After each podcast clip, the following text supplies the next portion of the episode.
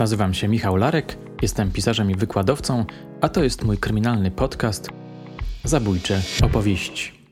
Sezon drugi, szalone lata 90., odcinek czwarty, zlecenie na męża. Opracowanie dźwiękowe Paweł Dalecki.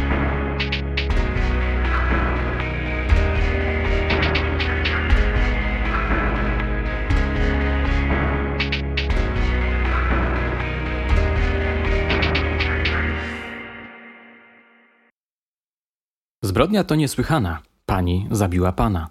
Ów słynny dwuwers autorstwa Adama Mickiewicza znakomicie pasuje jako motto do historii, którą dzisiaj wam opowiem. To mało znana, ale niezwykle ciekawa sprawa, która z powodzeniem mogłaby się stać kanwą emocjonującego dramatu kryminalnego. Sąd, wydając wyrok, stwierdził, że główną motywacją do zbrodni była chciwość. Ważniejsze było dla oskarżonych mieć niż być, dodawał. Ogólny zarys tej sprawy poznałem dzięki lekturze opowiadania Miłosława Czarneckiego Spisek, które możecie znaleźć w jego książce zatytułowanej Wydział. Ten emerytowany już oficer Komendy Wojewódzkiej w Poznaniu nadzorował śledztwo. Zaintrygowany postanowiłem pogłębić wiedzę na jej temat. Posłuchajcie. Jest majowy poranek 1997 roku. Znajdujemy się w Zaniemyślu, w wielkopolskim miasteczku położonym 40 km od Poznania. Do budynku dobrze prosperującej firmy, która zatrudniała jakieś 200 osób, wchodzi sprzątaczka. Przed drzwiami zatrzymuje się zdziwiona, dostrzega bowiem pod wycieraczką metalowe pudełko z wystającym na zewnątrz kabelkiem, jak to ujął Czarnecki. Zawiadamia o tym niecodziennym znalezisku swojego szefa Janusza D., a ten z kolei dzwoni na policję. Pudełko wygląda przecież na bombę. Policja, przyjechawszy na miejsce, zabezpieczyła podejrzany przedmiot. Dokładne badania pozwoliły ustalić, że był to rzeczywiście ładunek wybuchowy przygotowany do zdalnego odpalenia. Umieszczenie go pod wycieraczką jasno wskazywało, że jego celem miał być człowiek, a nie budynek, pisze Czarnecki. Dlatego, aby móc szukać sprawcy niedoszłego zamachu, należało w pierwszej kolejności ustalić jego niedoszłą ofiarę. Szybko okazało się, że poza sprzątaczką, której ingerencji sprawca najwyraźniej nie przewidział, w grę wchodziła praktycznie tylko jedna osoba – właściciel firmy, który zjawiał się zawsze wcześniej niż jego pracownicy. Kolejnym krokiem było znalezienie motywu jego działania. To już znacznie ograniczyłoby krąg podejrzanych. Rozpoczęły się więc intensywne przesłuchania pracowników, przede wszystkim prowadzone tak, aby zbadać relacje między szefem a poszczególnymi podwładnymi. Dalej Czarnecki informuje, że policja skupiła się głównie na badaniu wątku związanego z finansami firmy. Sprawdzano, czy zaistniały jakieś konflikty z konkurencją albo kontrahentami. Czynności prowadzone na tym odcinku nie przyniosły nic interesującego. W pewnym momencie, kontynuuje swoją opowieść Czarnecki, na plan pierwszy zaczął wysuwać jednak nieoczekiwanie wątek osobisty. Okazało się, że jego małżeństwo od pewnego czasu przeżywało poważny kryzys i praktycznie było na etapie separacji i planowania rozwodu. Konflikt miał silne podłoże emocjonalne. Z tego co pisze oficer, Halina D. zarzucała swojemu mężowi liczne zdrady, co według Janusza D. mogło prowadzić ją do nieobliczalnych zachowań. Z innego źródła wiem, że te oskarżenia nie były bezpodstawne. A zatem podejrzaną numer jeden stała się małżonka. Argumentem za tą wersją śledczą mógł przemawiać fakt, że Halina D., mieszkająca teraz w Poznaniu, nie mogła przeboleć utraty dotychczasowego statusu materialnego. Podobno wielokrotnie odgrażała się mężowi, że jeszcze pożałuje.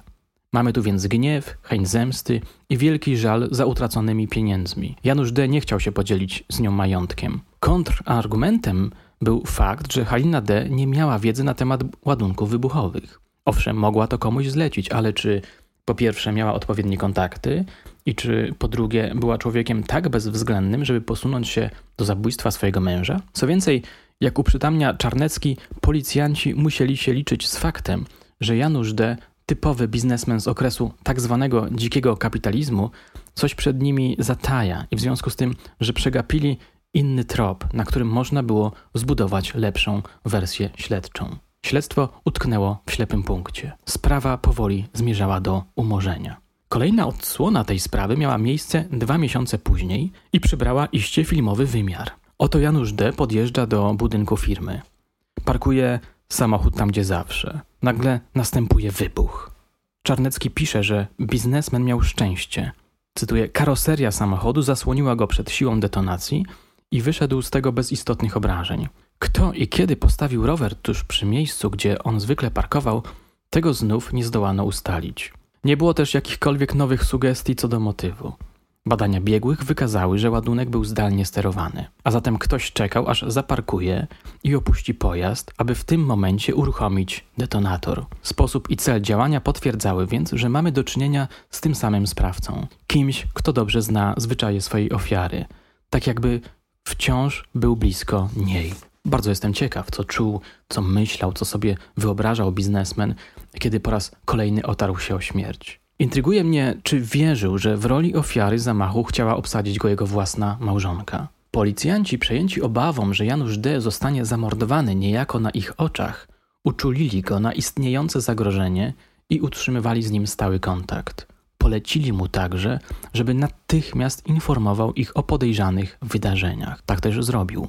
Na początku października powiadomił policję, że żona zaproponowała mu spotkanie w zajeździe non-stop położonym w podpoznańskich gątkach i poprosił o ochronę. Najwyraźniej odczuwał realny strach. Celem ich rozmowy miało być uzgodnienie menu i zamówienie w tym lokalu przyjęcia weselnego ich córki, doprecyzowuje Czarnecki. A zatem cel rozmowy był jak najbardziej wiarygodny, ale biznesmen obawiał się, że to może być zasadzka, w trakcie której ktoś na zlecenie jego żony będzie chciał pozbawić go życia. Być może przypomniał sobie znane powiedzonko do trzech razy sztuka. Jak się później okazało, miał rację, podejrzewając żonę o niecne zamiary. Gdy postawiłem kropkę w poprzednim zdaniu, oddzwonił do mnie Roman Przybył, oficer, który prowadził to śledztwo. Był wówczas podkomisarzem albo komisarzem pracującym w Komendzie Wojewódzkiej w Poznaniu, dochodzeniowcem z sekcji kryminalnej. To była sprawa mojego życia, powiedział mi i przy okazji podrzucił kilka ciekawych szczegółów. A zatem nadszedł 2 października 1997 roku, dzień, w którym miało dojść do spotkania małżonków. Żeby dokładnie zrelacjonować dramatyczne wydarzenia z tamtego dnia, oddam głos Miłosławowi Czarneckiemu, z którym odbyłem rozmowę na temat tej sprawy. Posłuchajcie. Oczywiście dla nas to też była znakomita okazja, żeby po pierwsze nie tylko go ochronić, a po drugie, żeby żeby czegoś więcej się dowiedzieć. Liczyliśmy, że skoro się z nią spotka, to być może ona coś powie takiego, co nam daje możliwość otwarcia nowego kierunku w sprawie. Dlatego zasugerowano mu, aby sam inicjował z nią rozmowę, przeciągał tą rozmowę, starał się z, z niej coś sprowokować ją nawet y, do jakichś, jakichś wynurzeń, nawet sprowokować do jakiejś agresji lekkiej, słownej, żeby ona w sytuacjach emocjonalnych powiedziała coś, czego nie będzie kontrolować. I ta rozmowa miała być nagrywana. Wyposażono go w sprzęt nagrywający i na parkingu byli obecni przy tym spotkaniu również policjanci, którzy siedzieli takim samochodzie dostawczym, nie rzucającym się w oczy, oczywiście cywilnym. Z zewnątrz nie było widać nikogo. Oni siedzieli w kabinie zamkniętej. Natomiast mieli cały czas nasłuch na to, co się dzieje i czekali na przebieg wydarzeń, licząc, że zarejestrują coś istotnego, co pozwoli na dalsze działania. Oni nawet pierwsi przyjechali na ten parking, żeby nie było sytuacji, że podjeżdżają w momencie, kiedy już spotkanie trwa, żeby nie, nie zaskoczyć, nie zdziwić tam nikogo swoim przyjazdem. Potem przyjechała ta żona i wreszcie Janusz D. Okazało się bardzo szybko, że lokal jest nieczynny, bo trwa remont.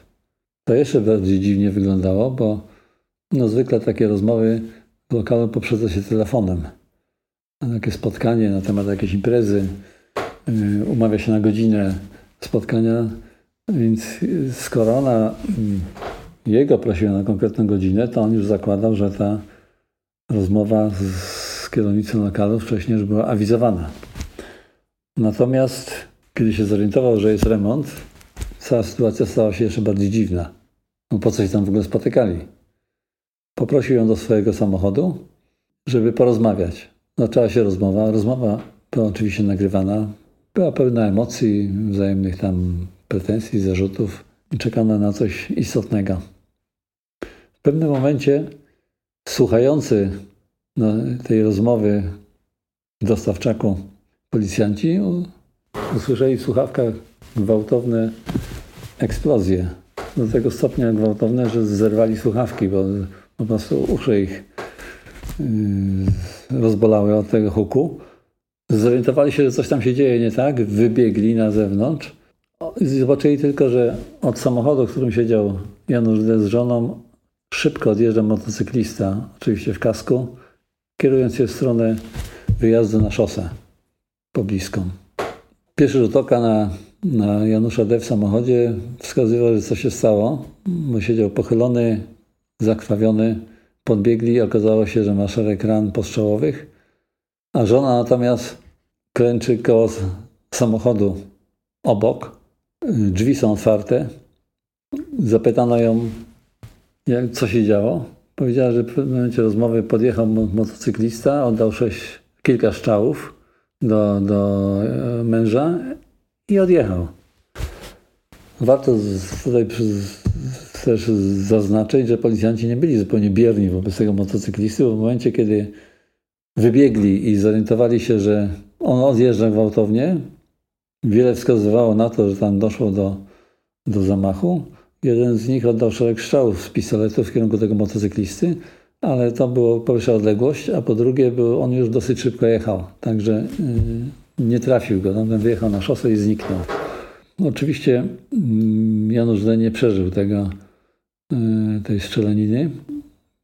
Miał sześć ran postrzałowych z bardzo bliskiej odległości, poniżej jednego metra. Zaczęto się zastanawiać, dlaczego, dlaczego jego żona wyszła z tego cało. I znowu zaczął się kroić ten motyw, że ona musiała mieć w tym jakiś interes. I jak to było możliwe, że przy tylu strzałach żaden z nich jej nie trafił? Mało tego.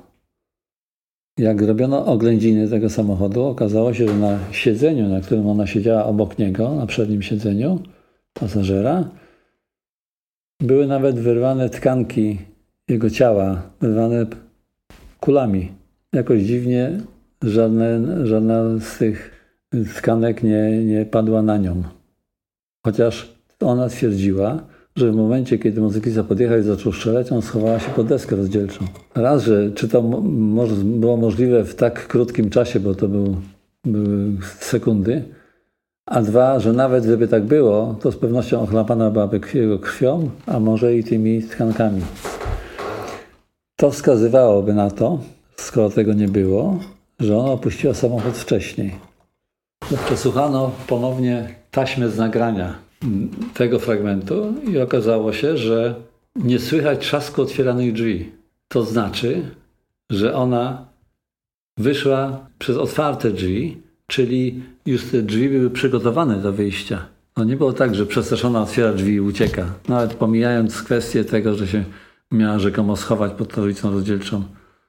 Tylko, że ona już miała otwarte i czekała na tą sytuację. Inaczej by to było realnie niemożliwe z uwagi na nagły przebieg zdarzenia. Nie byłaby w stanie uciec, nie tylko nie odnosząc żadnych ran, ale nie, nie, nie mając na sobie żadnego śladu. Natomiast to wskazywało jednoznacznie na to, że ona wyszła przed tym, zanim sprawca zaczął strzelać. A jeżeli wyszła zanim sprawca zaczął strzelać, to znaczy, że wiedziała, że on przyjechał, żeby zabić. Także wszelkie ślady czy krwi, czy jakieś tam ciała, to musiałoby na nią spaść. Nie? To, nie? to jest niemożliwe po prostu. Musiała wyjść, zanim on zaczął strzelać. Czyli musiała wiedzieć, że on przyjedzie, w momencie jak nagle podjechał, że on będzie strzelał. Już na tej podstawie to już y, sama ta analiza, te oględziny wystarczyły, żeby y, zaprzeczyć, zanegować jej zeznania i y, przedstawić jej zarzut udziału w tym zabójstwie i zastosować tymczasowe aresztowanie. To jest to są wstępne ustalenia. Na pewno by to był poważny materiał, ale no, oczywiście trzeba go było dalej rozbudować, bo, bo to nie tylko jest kwestia motywu, nie tylko kwestia wykazania, że ona wiedziała, ale także jaki był kontakt pomiędzy nią a zabójcą, jak to było uzgodnione, kto brał w tym udział i tak dalej. Te wszystkie szczegóły, które były niezbędne. Poza tym bardzo drugi ważny element tutaj zachodził. skąd sprawca, ten motocyklista, wiedział, że oni o tej porze będą tutaj w Gątkach. Od kogo? Od niego nie. Czyli znowu zachodzi związek pomiędzy nim, nią a sprawcą. Związek bliżej nieustalony, ale jednak przepływ informacji nastąpił. I przepływ informacji był gdyby w dwie strony, bo on wiedział o tym, że oni tam przyjadą i czekał na nich, a ona wiedziała, że on będzie czekał i uciekła. W początkowej fazie ona zaprzeczała tym zarzutom. Jak słyszeliśmy, Halina D. początkowo zaprzeczała tym zarzutom, ale ostatecznie nie udało jej się przekonać co do swojej niewinności i została zatrzymana. Podobno dość emocjonalnie zachowywała się po zabójstwie. Krzyczała, rwała włosy z głowy. Krótko mówiąc, wczuła się w melodramatyczną konwencję, jeśli mogę sobie pozwolić na ironię. Roman przybył w rozmowie telefonicznej z wielką pasją, opowiadał mi o oględzinach samochodu. Według niego to właśnie one i eksperyment śledczy sprawiły, że żona ofiary zamachu stała się podejrzaną. Kobieta nie mogła być w samochodzie w czasie egzekucji, inaczej na jej odzieży znalazłyby się ślady biologiczne męża. Zatem kłamała. W odpowiednim momencie opuściła samochód, żeby motocyklista mógł zrobić swoje. Krótko po zabójstwie odnaleziono w pobliżki... Krótko po zabójstwie odnaleziono w pobliskim lesie spalony motocykl. Założono, że to właśnie nim poruszał się sprawca. Dalsze czynności miały na celu odnalezienie poprzedniego właściciela motocykla. Może zabójca go od niego kupił, kto wie. Nic z tego jednak nie wyszło. Co gorsza, policja wyczerpała już większość sensownych pomysłów na dalsze działania. Mała dygresja. Powieści, filmie czy serialu, najlepiej amerykańskim, fabuła potoczyłaby się tak, że genialny śledczy metodą dedukcji albo wiedziony jakimś kapitalnie rozwiniętym zmysłem albo odwołując się do jakiejś sprytnej sztuczki, wytropiłby wreszcie sprawcę i w spektakularny sposób zatrzymałby go. W rzeczywistości bywa tak, że nagle z niespodziewanej strony pojawia się informacja, dzięki której policjanci mogą namierzyć przestępcę. Tak właśnie było w tym przypadku. Kilka tygodni po zabójstwie ktoś zadzwonił na policję i powiedział, że zabójcą jest niejaki Mariusz D., mieszkaniec Gorzowa. W prasie z tamtego czasu znajdziecie pełne personalia. Okoliczności tego przełomu niestety objęte są tajemnicą. Kto dzwonił, dlaczego przedstawił taką informację, nie wiemy. Powiedział mi Czarnecki, że tę informację potraktowali bardzo poważnie. Krok po kroku, pisał w swojej książce, sprawdzaliśmy, kim on jest, gdzie mieszka, gdzie pracuje, jaki tryb życia prowadzi, czy był już notowany i tak. Wiedzieliśmy o nim dużo, ale wciąż nie mieliśmy żadnych dowodów, że to on strzelał przed zajazdem. Udało mi się dowiedzieć, że był to młody mężczyzna, żonaty, ojciec dziecka. Miał gdzieś mniej więcej dwadzieścia parę lat. W końcu policja podjęła ryzykowną decyzję i zagrała w bank. Otóż zdecydowała się na zatrzymanie prosto z ulicy do samochodu. Po nagraniu rozmowy Czarnecki napisał do mnie maila, próbując zarysować bardzo ważne tło tego zatrzymania. Zacytuję fragment. Jest jednak jeszcze coś, o czym nie mówiłem, coś, czego z boku się nie dostrzega. Wyobraź sobie sytuację, gdyby informacja o zabójcy nie potwierdziła się i jego zatrzymanie okazało się bezpodstawne. Kto by za to odpowiedział?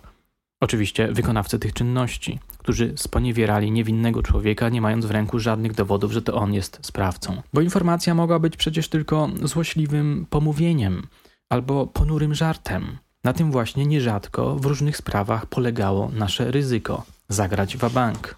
Ze świadomością, iż przegrana oznacza odpowiedzialność dyscyplinarną, a czasem także karną, nadużycie władzy, przekroczenie uprawnień itp. Ta świadomość bardzo nas łączyła Wiedzieliśmy o co gramy i że mimo ryzyka nie możemy odpuścić i pozwolić na triumf sprawcy, bo wstydzilibyśmy się samych siebie. W wielu sprawach podjęcie takiego ryzyka przyniosło sukcesy. Trzeba jeszcze zaznaczyć, dodam, że to nagłe, zaskakujące zatrzymanie miało ważny cel śledczy. Jaki? Niech to wyjaśni mój rozmówca. Posłuchajcie. Ważne było takie zadziałanie, żeby jeżeli on jest sprawcą, totalnie go zaskoczyć i żeby nabrał od razu przekonania, że właściwie już jest po krzyku, że wszystko wiemy, że, że nie ma żadnych szans. Wtedy była szansa na to, że, że się otworzy i że coś powie takiego, co będziemy mogli wykorzystać. Kierując się tą zasadą, postanowiliśmy zatrzymać go w sposób niebanalny, zaskakujący, gwałtowny, bez jakiejś rutyny, w taki sposób, że po to nim wstrząsnęło. Oczywiście nie chodzi tu o jakieś zachowania brutalne, ale jednak ostre, gwałtowne, jednoznaczne, zdecydowane. Nie na zasadzie, żeby przez, ani przez chwilę, żeby nie wątpił, że, że już po prostu został wykryty. Specjalna ekipa policjantów pojechała do Gorzowa, gdzie on zamieszkiwał. Przedtem ustalono, jak wygląda. Oczywiście mieli jego zdjęcia. Poczekano, aż się pojawi gdzieś w takim miejscu, gdzie nie będzie miał czasu się zastanowić nad swoją reakcją w momencie zatrzymania, gdzie nie będzie miał czasu pomyśleć, co ma mówić, jak ma się bronić i tak dalej.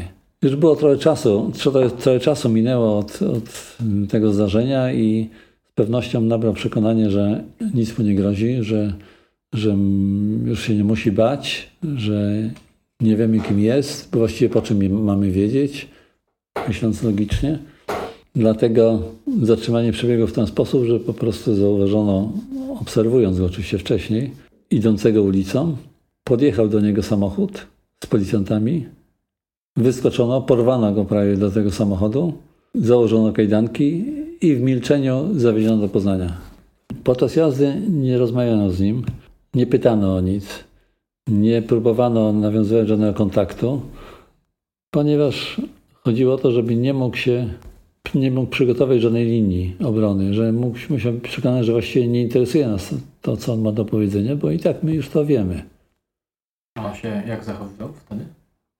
No, stłamszony był psychicznie, także mm, w milczeniu, można powiedzieć, przejechał ten, ten odcinek do Poznania. Nie dopytywał się, co się dzieje? No, nie próbował, nie? ale, ale nie, no, nie uzyskał żadnej odpowiedzi. Poza, poza może jedną, że jest sprawcą zabójstwa i będzie przesłuchany.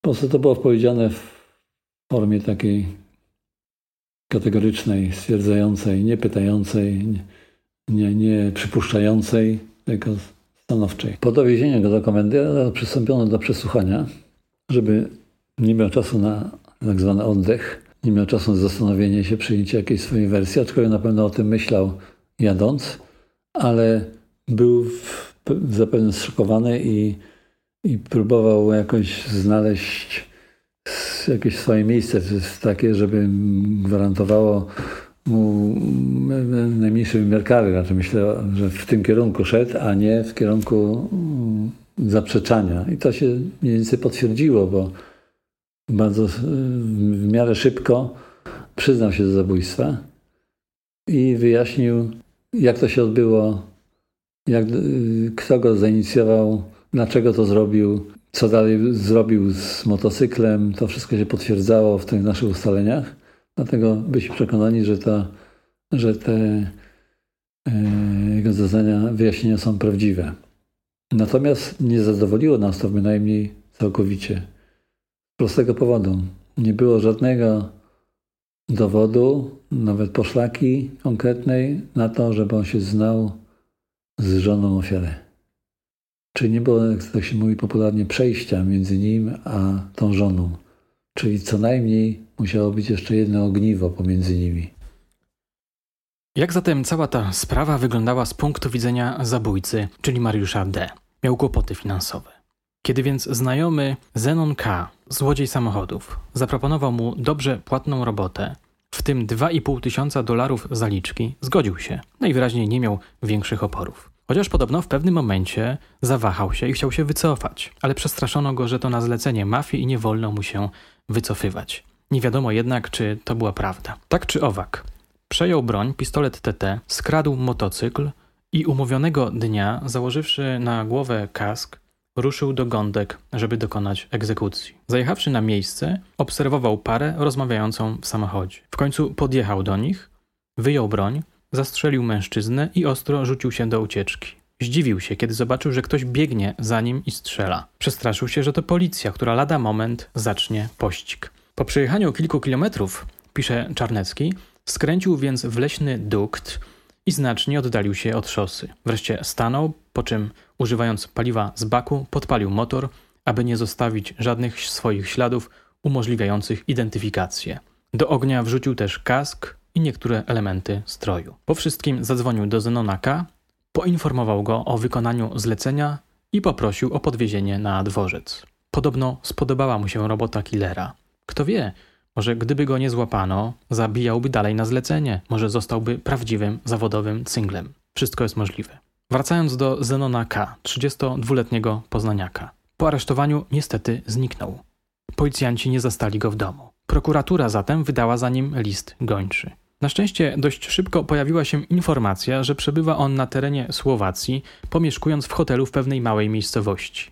Tamtejsza policja zatrzymała go i przetransportowała do przejścia granicznego, gdzie przejęli go polscy śledczy. To taki filmowy akcent, jak z opowieści szpiegowskiej. Służby, most, przekazanie przestępcy. Można by z tego zrobić niezłą scenę. Podczas przesłuchań nie przyznawał się do niczego, pisze Czarnecki, zaprzeczając obciążającym go wyjaśnieniom Mariusza D., które, jak stwierdzał, zostały przez tamtego wymyślone wyłącznie po to, aby ukryć innego wspólnika.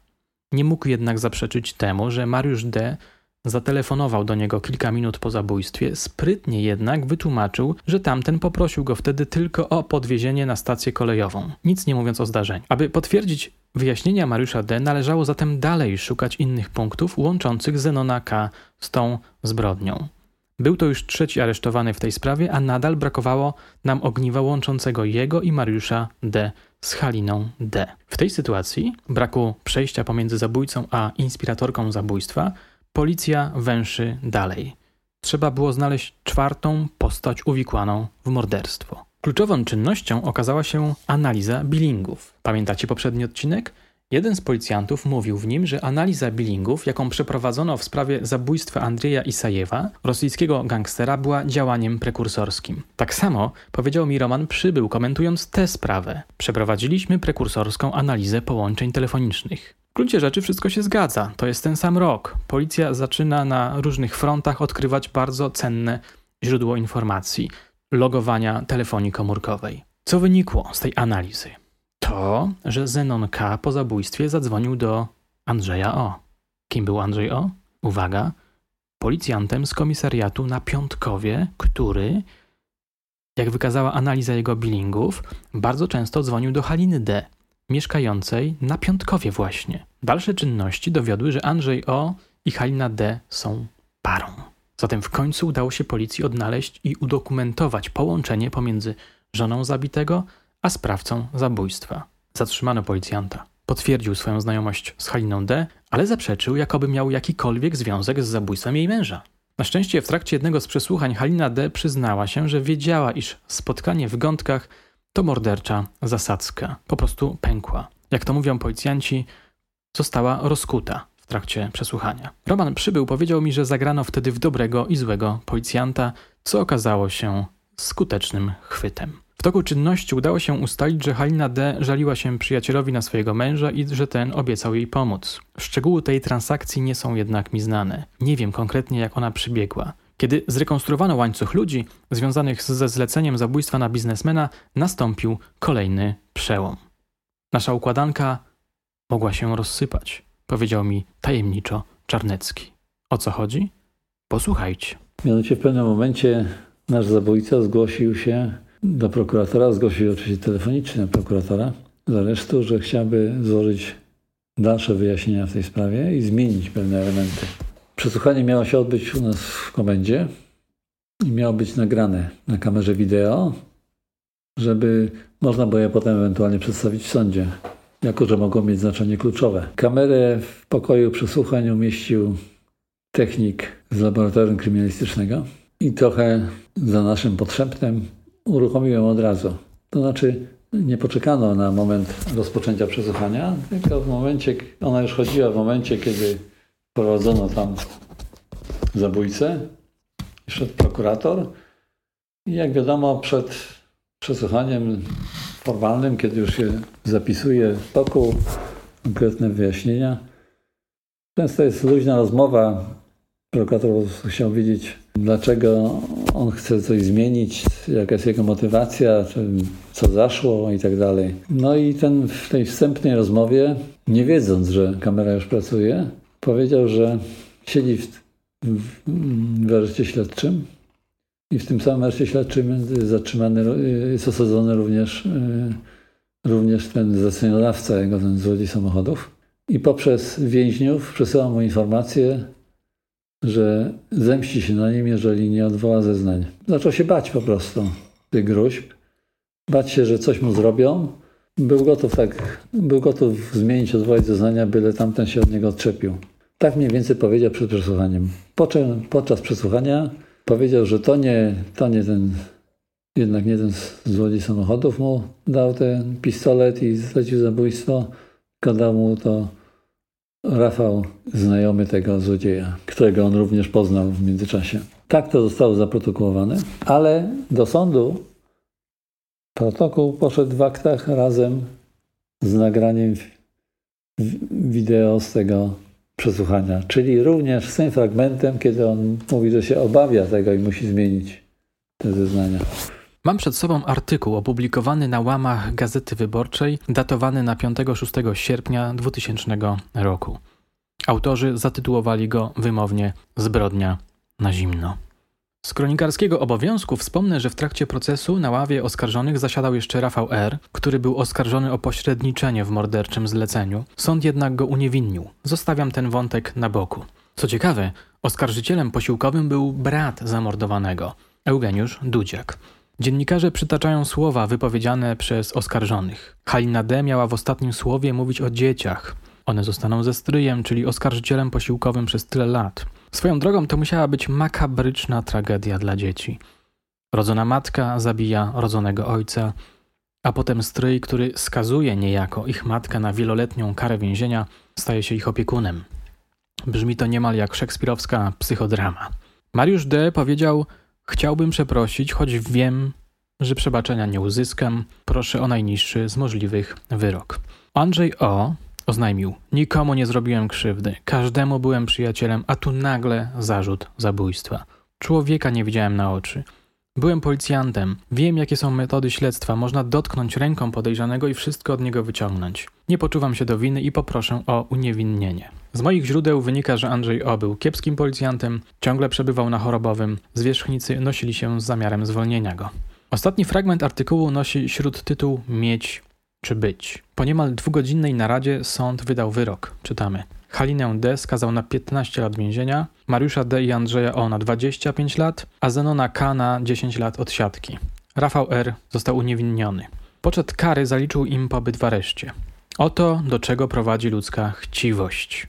Ważniejsze było dla oskarżonych mieć niż być, mówi sędzia Ziołecka. Oskarżeni spokojnie zareagowali na wyroki. Jedynie Andrzej O. spoglądał z wyrzutem na skład sędziowski. Halina D. ukryła twarz w dłoniach, Rafał R. patrzył w sufit. Wyrok nie jest prawomocny, obrońcy zapowiedzieli apelację, sąd zezwolił na publikację nazwisk i twarzy skazanych. I rzeczywiście w tekście pojawiają się pełne imiona i nazwiska. Niemal rok później Gazeta Wyborcza publikuje krótki tekst zatytułowany Zabili wspólnie. Sąd apelacyjny, czytamy tam, zmienił wyrok dla Zenona K., który został skazany w sierpniu ubiegłego roku na karę 10 lat więzienia za pomoc w zabójstwie, znajdując płatnego mordercę i dostarczając mu broń.